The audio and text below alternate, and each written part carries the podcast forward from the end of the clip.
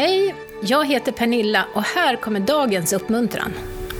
Pastor PJ predikade i påskas om den blinde Bartimeus.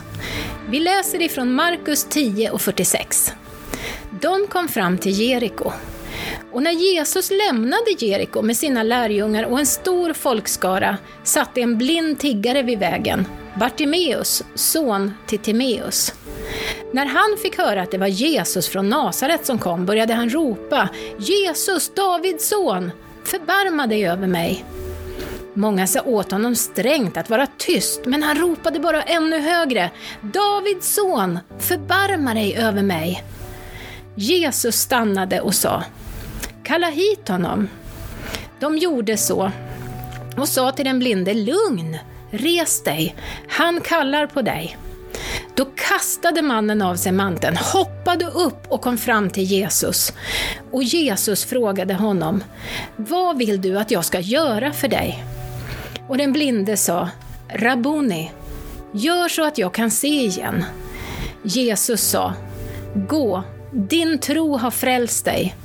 Och genast fick han sy sin syn och följde Jesus på vägen.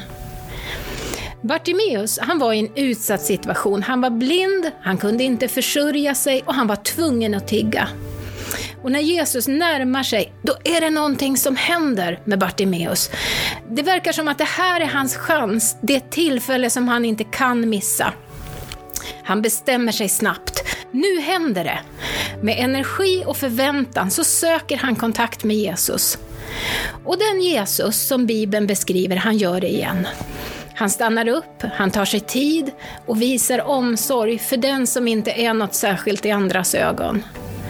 Det fantastiska i den här berättelsen är att Bartimeus bestämmer sig redan innan han är framme hos Jesus. Han har burit sin tiggarmantel som skydd för värme och kyla. Den mantel som har gett honom rätten att tigga och som format hans identitet. Och så reser han sig upp, han kastar av sitt gamla liv och söker sig till Jesus. Han tar liksom ut i förskott att mötet med Jesus kommer att förvandla hela hans tillvaro. Och Jesus, han lämnar ingen besviken. Han svarar på den omöjliga önskan som Bartimeus har. Han vet att synen är nyckeln in i hans framtid och han bara måste be om ett mirakel.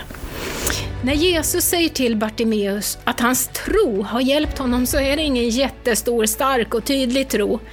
Vi vet inte om han har kunnat besöka kyrkan eller om han har sjungit lovsång med lyfta händer. Troligtvis har han inte kunnat offra pengar. Men en sak, det gjorde han. Han bestämde sig. Han lämnade, han gick och tog emot och följde sedan Jesus.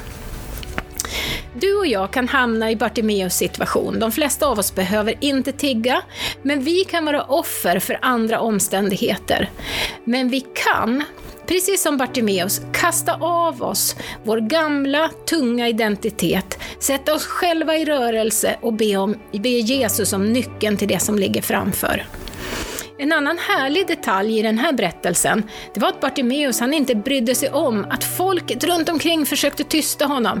Han visste att idag är det hans dag.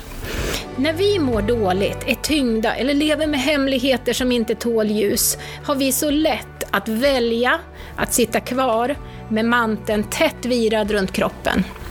Men du vet att kyrkan, gudstjänsten och gemenskapen är bästa platsen för ett nytt liv som håller. Där finns massor med människor som på riktigt förstår vår kamp, som har gjort liknande resor och som idag är fria. Där predikas Guds eget ord som ger tro och där kan vi frimodigt kasta manteln. Så dagens uppmuntran Jesus, han har det allra bästa för oss. Vill vi ha det? Gör som Bartimeus, upp på fötterna, kasta av det gamla, ta emot det nya och lev livet.